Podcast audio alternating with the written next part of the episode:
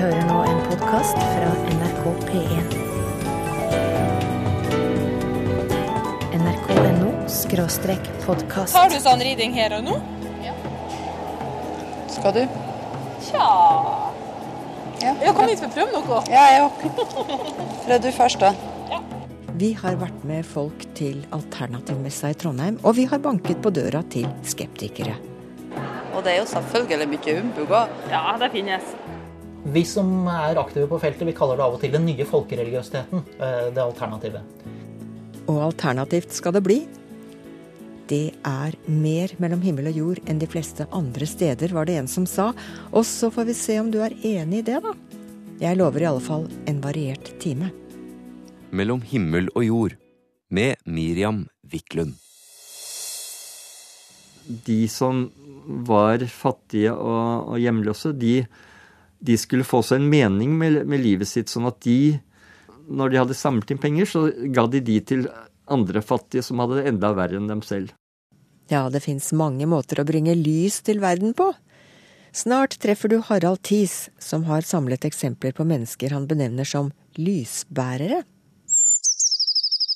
Flere nordmenn søker mot det alternativet. Det uforklarlige er den nye folkereligionen, mener religionshistoriker. Det jeg savner veldig mye mer hos deg, som egentlig er at du skal le med hjertet. Du ler, ja, men du ler ikke med hjertet. To par hender knyttes sammen. De blanke øynene til Paula Jørgensen kikker ned. Der har du en nydelig bestemor som er med deg. Hun beste. Ja. Hører du det, Judegunn? Ja. På andre sida av bordet sitter ei dame i blå genser. Hun kaller seg healer og klarsynt. Og hun treffer noen punkter som gjør at Paula smiler.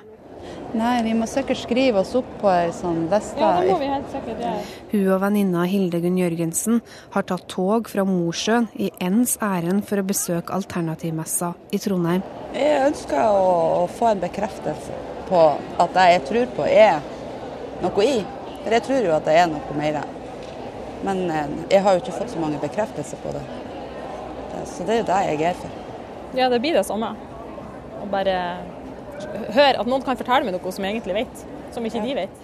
For venninnene søker etter svar, og vil få bekrefta at det finnes noe mer. Det er jo lettere å vite at man skal i gang Punktørva om noen år, og vite at det er noe, enn å ikke vite det, for å si det sånn. Føler jo jeg. Så ja. At det er noe mer enn bare at man skal Leve og sørge på kirkegården og ferdig med det. Og det er flere som gjør som venninnene fra Nordland.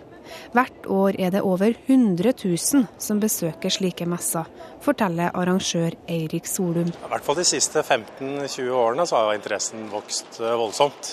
Det var jo 1992 den første arrangerte alternativmessen var i Oslo. Og da var det noen få tusen der, og et par år senere så var det jo fullt i Oslo Spektrum. Med 15 000-20 000 mennesker. Så det har vel blitt anslått at det er om lag 100 000 som besøker en alternativ messe i Norge i året. Så interessen har vokst veldig. Det har den gjort. Nei. Tar du sånn riding her og nå? Skal du? Tja Ja. Jeg kom hit for å prøve noe. Ja, jeg òg. Prøv du først, da. Ja. Inne i hallen er det over 90 damer og menn som kan tilby deg det meste. Ja, det er jo blitt mer legalt å snakke om det, mot hva det kanskje var før. For da var man jo heks, hvis man trodde på noe. Og nå er det så mange som har sett og hørt og føler og tror og mener. Så det ble mer åpent. Det er Tilstrekkelig mange titler med Satan og helvete og hekser og Inn på kontoret til religionshistorikeren og forskeren Asbjørn Dyrendal ved NTNU er Bokeland full. Sjøl om han personlig foretrekker vitenskapen og er redaktør for nettstedet skepsis.no, forsker han på det mystiske og hvorfor vi tiltrekkes av det. Jeg tror definitivt at det finnes folk som ønsker å lure seg selv. Selvbedrag er en veldig viktig del av livene til de fleste av oss. Det vet vi fra forskning. Eh, og at de ønsker å bli lurt eh, nettopp på samme måte som i selvbedragets ånd. Men å bli lurt på en sånn måte at de føler seg lurt, det tror jeg ikke de ønsker. Så ja, jeg, jeg skjønner jo det, jeg er jo ikke like enig i alt det de sier, men jeg kan jo bruke noe av det hvis jeg har lyst. Og det er jo mest for litt skøy òg. Og det er jo selvfølgelig mye humbug òg. Ja, det finnes. Og det koster jo selvfølgelig masse penger. Så det er jo ikke noe man kan færre gjøre hver dag. Ifølge Dyrendal er det ikke så rart at vi søker noe mer. Maslows behovspyramide er for lengst oppfylt. De grunnleggende behovene er dekt. Og helt øverst finner vi selvrealisering, personlig og åndelig. Vi som er aktive på feltet, vi kaller det av og til den nye folkereligiøsiteten. eh, Det alternativet. Eh, Den overlapper til en eh, nokså stor grad med statskirkemedlemskap, f.eks. her i Norge. Hvor folk setter sammen sitt eget, av og til på tvers av kristendommen, og av og til sånn som de oppfatter til å være i god kontakt med det. Noen ganger i veldig sterk opposisjon til. Men man lager da sin egen mening med tilværelsen med de elementene man da i tillegg tar fra det alternativet, eh, som er fokusert rundt f.eks. selvutvikling og eh, sånn passelige mengder overnaturlighet. Tror du det er noe mer mellom himmel og jord? Ja, det er noe ting det er jeg ganske sikker på. ja. Jeg har opplevd mye sånn, eh, sånn halvgreier, kan du si, da, som at fått et varsel på ting på forhånd. Og så har det bare blitt sånn, altså, eller når, når noen har dødd og, og sånn, så har jeg skjønt det før liksom, telefonen har kommet. Eller det er mye mer mellom himmel og jord enn det vi egentlig vet om. Det tror jeg. Men jeg har på en måte min lit til vitenskapen når det gjelder det. da. At det finnes litt mer enn hva vi kanskje ser, det tror jeg nok. Hva tror du er årsaken til at vi søker noe annet? Det må vel være en moderne form for å få svar. Det handler jo litt om samfunnet generelt. tenker jeg At vi blir mer åpne og vi utvikler oss mer. Og media, ikke minst, har jo en stor, stor påvirkning der, da. Vi er vel stadig på jakt etter noe bedre. Vi skjønner ikke hvor godt vi har det, så vi må heller lære oss det å leve med det vi har. Og være, være fornøyd med det vi, det vi har, tror jeg. Være mer fornøyd med livet som det er. Og her var det mye aktivitet. Ho, ho. Stakkars barn som ligger det kan jeg si. For her er det altså så at pelsen står rett opp i armene. Åndenes makt, Snåsakallen og media blir trukket frem som noen av årsakene til at samfunnet har blitt mer åpent.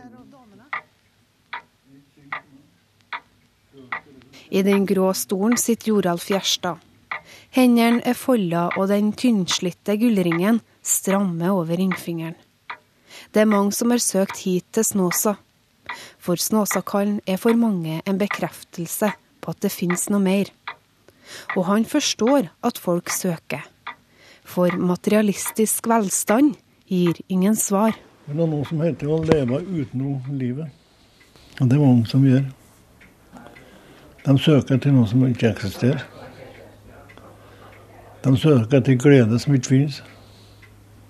De søker til økonomisk vinning, og det vinner de.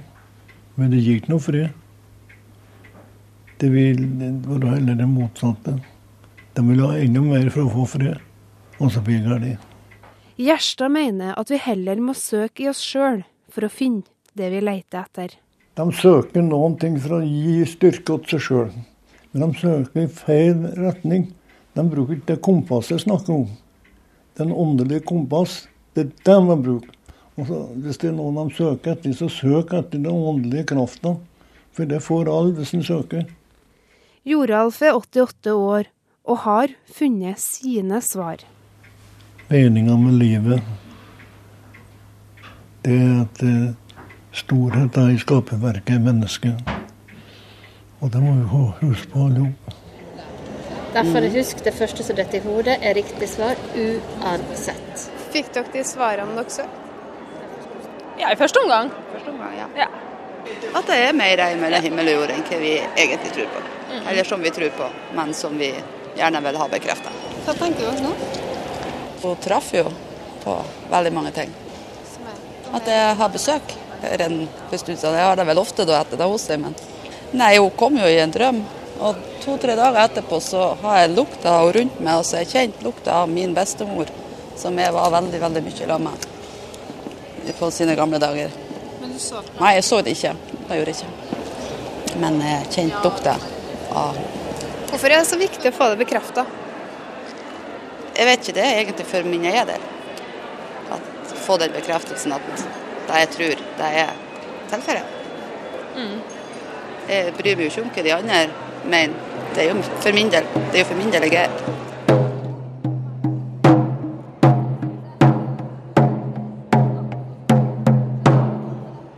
Reporter i dette innslaget var Kaja Kristin Næss, som kommer tilbake litt senere i sendinga om hvorfor kristendommen ikke lenger er limet i samfunnet vårt. Men tror du at du går glipp av å være i et fellesskap når du ikke tror på religion? Nei, jeg er jo med i et fellesskap for det. Det er ikke noe problem. Det er jo med venner og familie og sånne ting. Reporter i dette innslaget var Kaja Kristin Næss, som kommer tilbake litt senere i sendinga om hvorfor kristendommen ikke lenger er limet i samfunnet vårt. Men tror du at du går glipp av å være i et fellesskap når du ikke tror på religion? Nei, jeg er jo med i et fellesskap for det. Det er ikke noe problem. Det er jo med venner og familie og sånne ting. NRK P1. Hvis du går i fakkeltog, kan du kalle deg en lysbærer da? Jeg stiller spørsmålet fordi Harald Thies nylig har gitt ut boka Lysbærere. Vi trenger en forklaring. Hva er en lysbærer? Det er en skikkelse som har arbeidet for de gode kreftene i livet. Så de har gjort det på veldig mange forskjellige vis. De har ofret ofte både tid og til og med livet sitt for å tjene menneskene og for å inspirere dem og for å ja, bringe ny kunnskap til verden. Her er det listet opp Buddha, Kristus, Baha'u'llah, Milarepa, Frans av Assisi, Pater Pio, Hildegard von Bingen og til og med altså Astrid Lindgren og Fridtjof Nansen og Mozart, Khalil Gibran mm. altså, Vi kan ikke komme inn på alt dette, men, men hva er det som binder disse skikkelsene sammen? Det essensielle i verden er jo kampen mot uh, mørket, mot ondskapen, mot uh, uvitenhet, mot fordommer. Og, og, der har de på alle på et, et, eller annet vis bidratt til å, å ja, sette lys på, på ting og, og, få inspirert oss til å tjene. Hva er f.eks. hva er likheten eller bindeleddet mellom Astrid Lindgren og ja, hva skal vi si da? Nelson Mandela, for den del? Jo, eh, hun har også vært inne på dette med kampen mellom det gode og det onde. Hun henbedte seg spesielt til barna og var opptatt av å inspirere dem. Alle hennes eventyr, også Pippi f.eks., handler jo om å, å, beskytte de gode og ja, bekjempe de negative kreftene. Pippi kan jo også ses på som en liten rampunge, da. Ja da. gjør hva hun vil. Absolutt. Ja. Og det, hun gjør som hun vil, men så er hun kreativ og skaper et eventyr av, av hva som helst. Mm. Ja, og for, for liv i, i, ungene.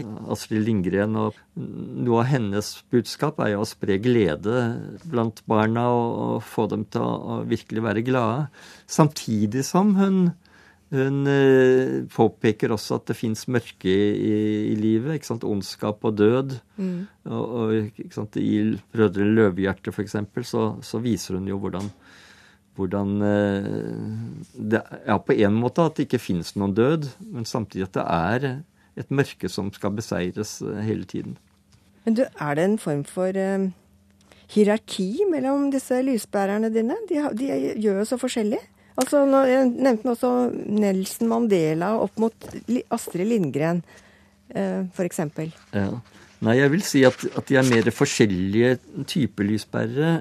Nelson Mandela og Martin Luther King var jo veldig på å frigjøre eh, menneskene fra fordommer og fra å ja, ikke samarbeide med hverandre på tvers av raser og religioner og, og sånn. Mm.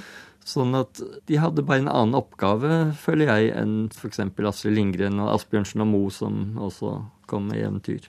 Asbjørnsen og Mo, ja. var de også lysbærere? Ja, de eh, trakk frem eh, disse gode historiene om Askeladden og de gode hjelperne, f.eks. Historiene handler jo om heltenes kamp eh, mot det onde. Ja. Det var naturlig å vise litt det mangfoldet av lysbærere som fins, og å forsøke å, å, la folk se at, at, det er mange typer lysbærere. At du egentlig alle selv er lysbærere som kan da la seg inspirere av andre som har gått foran og, og gjort en sånn, sånn, jobb. Men Harald Thies, eh, du selv da. Når ble du opptatt av, av helter og, og, lysbærere? Ja, Det begynte jo som ung med at jeg begynte å lese mye. Og, og leste jo alt, alle eventyr, også 'Tusen og en natt'. og Og så selvfølgelig også Tarzan og Fantomet. Tarzan og Fantomet? Ja, er det også lys? Nei, men de, de, kjempet mot ondskapen, de også. Så jeg husker jo en gang på universitetet senere, da når jeg begynte å studere naturvitenskap og, og sånt. Mm. Uh, og fikk møtte en student som fortalte om, om en, en, en kar nede i Paris som het Abbé Pierre, og som hjalp uteliggere og hjemløse. Ikke bare til liksom å hjelpe dem selv med å få et sted å bo, men han, han, hans filosofi var at de som var fattige og, og hjemløse, de, de, skulle få seg en mening med, med, livet sitt, sånn at de begynte å, å, tjene penger på å samle inn ja, flasker og husholdningsapparater som ikke fungerte og sånn, og reparere dem, og, og, selge dem videre. Og så, når de hadde samlet inn penger, så ga de de til andre fattige som hadde det enda verre enn dem selv. Oh, ja. Så den, den tanken om at det ikke er bare snakk om å gi penger og mat og sånt, men at, at menneskene også må få noe, et verdig liv hvor, hvor det blir meningsfullt for dem. Mm -hmm. den, den, likte jeg godt. Så da tenkte jeg at det, det vil jeg også gjøre. Er det uegennyttige egenskaper da, du ser etter? Altså ja, at man som, gjør ting ikke for sin egen del, men for andres? Ja. ja. Jeg har jo vært litt ute i verden og har eh, opplevd at jeg selv er blitt møtt med en eh, veldig sånn tjenestevillighet. At folk har gått lange omveier for å hjelpe meg når jeg ikke finner frem, og at de har eh, gitt meg husly når jeg har manglet det. og Mm. Så, så, det har vært mange egentlig sånne møter med, med mennesker som, som, jeg har opplevd som, som tjenende. Som ikke har spurt etter om hva jeg tror på, men som bare har hjulpet meg uansett. Altså, Men du, du bruker ordet lysbærere, altså ordet lys. Ja. Hva slags lys handler det om? Ja, lys er jo et begrep som dekker mye, men det er jo en kraft, en, en energi som fins i hele universet. Hvor solen blir et, et sånt uh, bilde på det. Mm. Uh, som utstråler, som har kompakt med lys inni seg, og som stråler det ut til, til verden så at det, at det, får vokse og gro. Og, og disse lysbærerne er tilsvarende. De, de, stråler ut dette lyset, som de på en måte har fått fra universet, fra Gud, fra den universelle kraften. Og, og gir den videre til, til, menneskene. Det er som om de liksom ikke kan la være et sted å, å gjøre det. De, de, de, er fylt av den og, og, må bare gi det videre. Det sa Harald Thies om boka 'Lysbærere', som han har skrevet sammen med sin kone Benedicte Thies. Hun døde for tre år siden, og nå har Harald fullført manuskriptet. Det var dette med det indre lyset, som ofte stråler ut fra ildsjeler og inspiratorer, men som Harald mener bor i oss alle. Det var kanskje også det indre lyset som inspirerte han og kona til å stifte Mandala, Senter for livskunst, i 1978. Der ble det i en årrekke arrangert kurs og foredrag som inspirerte til refleksjon av åndelig karakter på tvers av religiøse og kulturelle skillelinjer. Syns Harald Thies at det er viktigere å finne det som forener oss, enn å dvele ved forskjellene? Ja. Det å være brobygger har nok vært en av mine oppgaver. Å prøve å hjelpe hverandre til å forstå at selv om de sier det med forskjellige ord og med forskjellige bilder, så, så er det ofte det samme de mener. Med å prøve å, å, å finne likhetspunkter og ting som man er enige om, så, så, kan man bygge bro med de aller fleste. Du, du nevner Buddha, og du nevner Kristus og Baha'u'llah i samme rekkefølge, på en måte. Hvorfor det? Det er jo fordi jeg ser at hvis det skal være én sånn felles kraft for hele menneskeheten, så må jo disse religionene, som jo er, står veldig sterkt i, i verden, og som hittil har liksom vært i hver sin, sin del av verden og, og ikke har kjent til hverandre ordentlig, eh, så må de jo egentlig komme fra den samme kilden. Sånn at disse store lysbærerne, som jeg vil kalle som du nevnte, Buddha og Kristus og Moses og ja, Saratustra til og med, og Baha'u'llah. Baha'u'llah er stifteren av bahai-religionen, det er ikke alle som vet. Mm. Mm. De, de, vil inspirere menneskene til å uh, leve et, et, liv i takt med kjærlighetskraften, den guddommelige kraften som, som er i, i, verden og er i hele universet. Hvis vi er alle tilhører den samme familien, så er vi jo alle barn av den samme Gud. Nei, det er, det er, akkurat det at de forskjellige betegnelsene som, som, blir brukt, tror jeg ofte misforstås dit hen at ens egen religion er en enestående og hevet over de andre. Og det har jeg ikke kunnet uh, akseptere at det skulle være sånn. Så uh, derfor så, så, liker jeg da tanken om at, at virkelig vi er uh, tilhører den samme familie og har den samme Gud.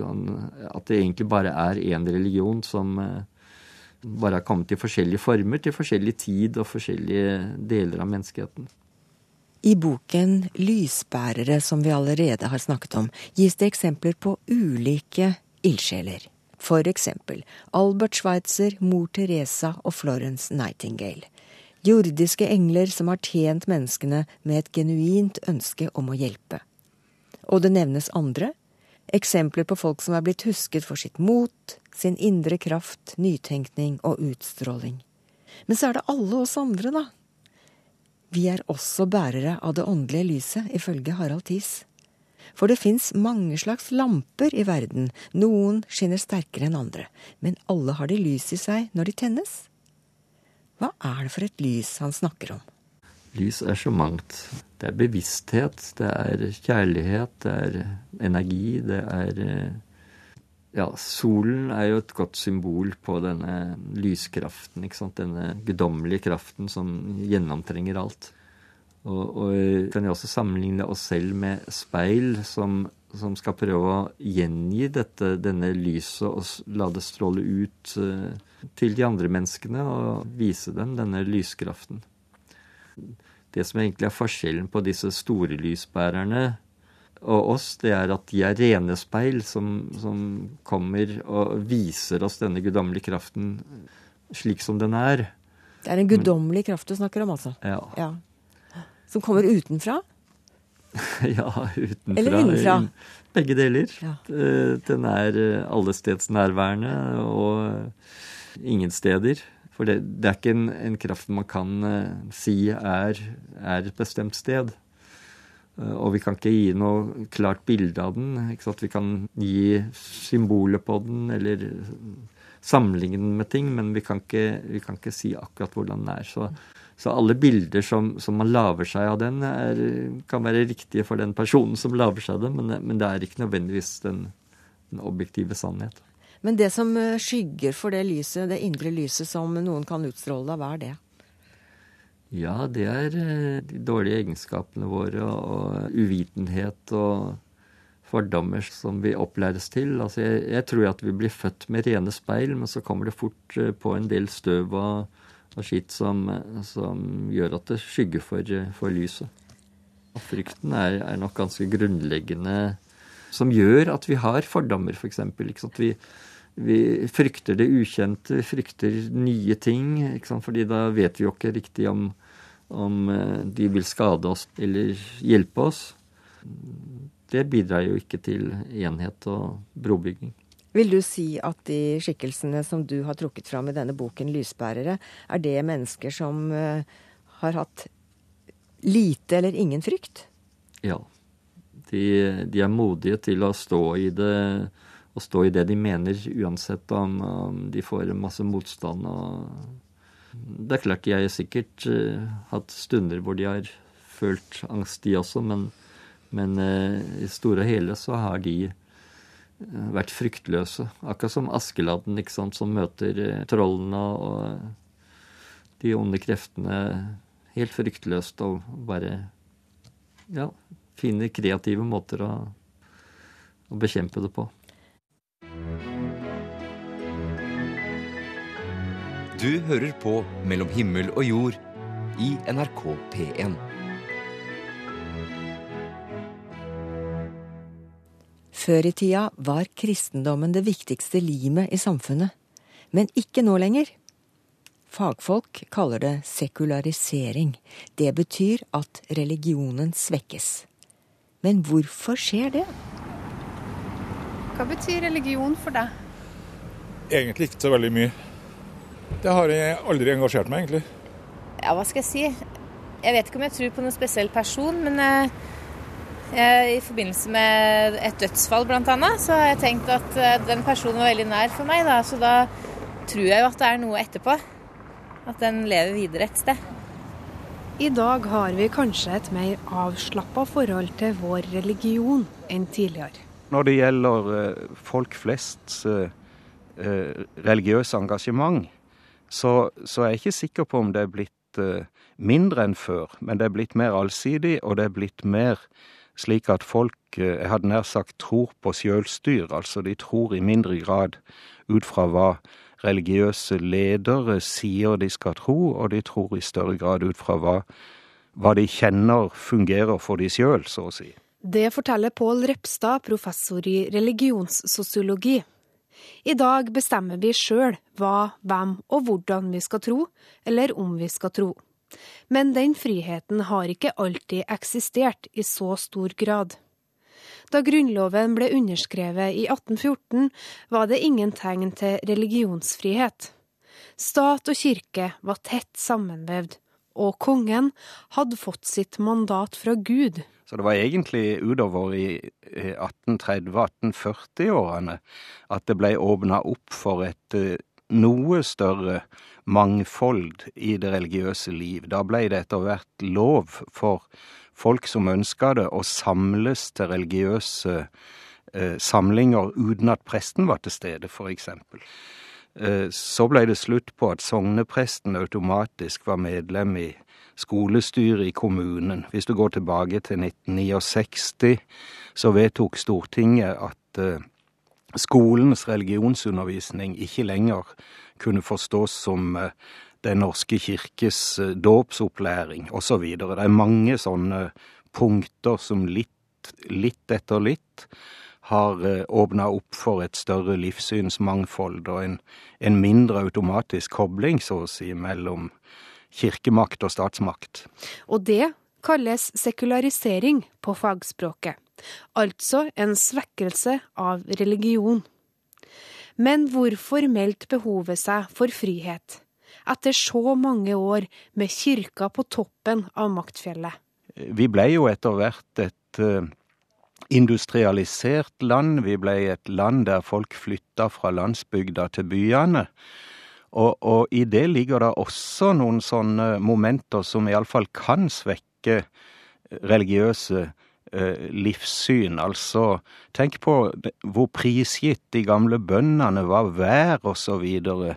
Det var veldig naturlig å tenke seg at, eh, at høyere makter styrte og regulerte, mens når du fikk eh, industri og byråkrati for den saks skyld, så, så fremsto jo det mer som som menneskeskapt i en viss forstand. Så iallfall en sånn type religion som legger en viss vekt på, på menneskets avhengighet av krefter utenfor seg sjøl, den type religion fikk eh, dårligere vilkår i, i byen og i industrisamfunnet. I dag styrer ikke religion vårt daglige liv, slik den gjorde til en viss grad for 200 år siden. Vi står mye friere til å velge og ifølge Repstad er vi ikke så opptatt av lover og regler. Vi plukker litt overalt og danner vår egen lille religion, hver og en. Til tross løsriving fra den mektige kirka, har vi da likevel behov for å tro på noe. Det er vanskelig å på en måte eh, bevise eller motbevise en sånn generelt utsagn som at alle mennesker har et religiøst behov. Jeg er nok litt skeptisk til å tenke sånn. Muligens har vi et behov for, for mening i tilværelsen. Det tror jeg nok er nokså allmennmenneskelig, men, men jeg tror ikke den meninga nødvendigvis trenger å være eh, religiøs eh, i den forstand at en tar sin tilflukt til noe overnaturlig, noe guddommelig. Det er også mange som finner mening i, i de nære ting. Finner mening i familie, finner mening i arbeid, finner mening i fritidssysler. Men hvorfor har vi da, som folk, mindre behov for religion nå kontra 100-200 år siden? Vi har noen svære internasjonale undersøkelser.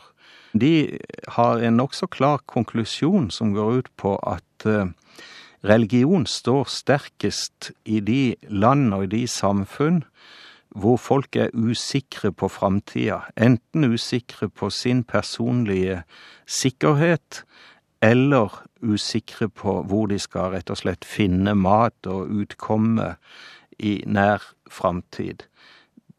Der er det ofte slik at uh, folk setter sin lit til noe guddommelig, mens i sånne land som vårt, som med noen unntak uh, har nådd et relativt høyt nivå av uh, både materiell velstand og, og personlig trygghet, der svekkes religionen. Men mister vi noe hvis vi ikke har en felles religionsplattform?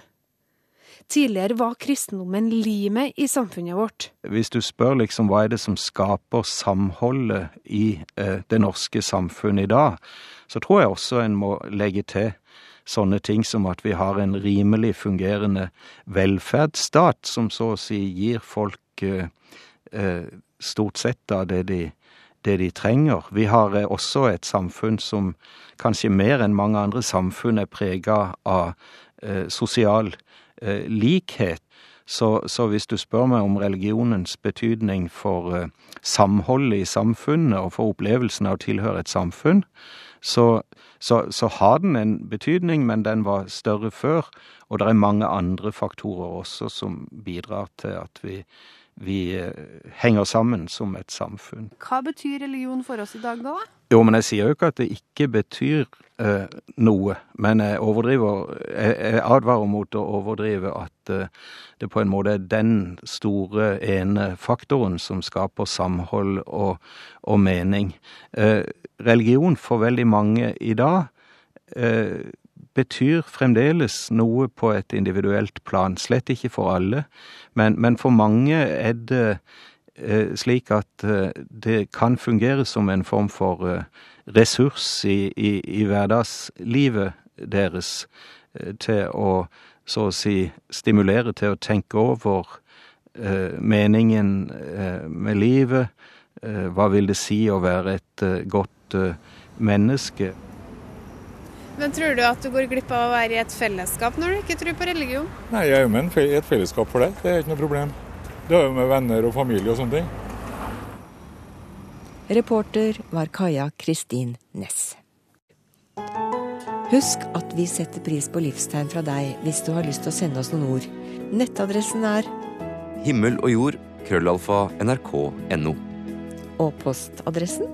Mellom himmel og jord NRK 7005 Trondheim.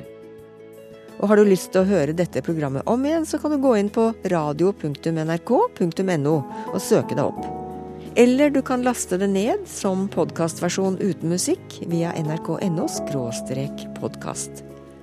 For øvrig sender vi reprise allerede i kveld klokka 21 på NRK P1 pluss for deg som har en DAB-radio.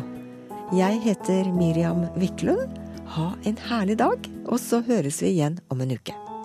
Mellom himmel og jord. Søndager klokka ti.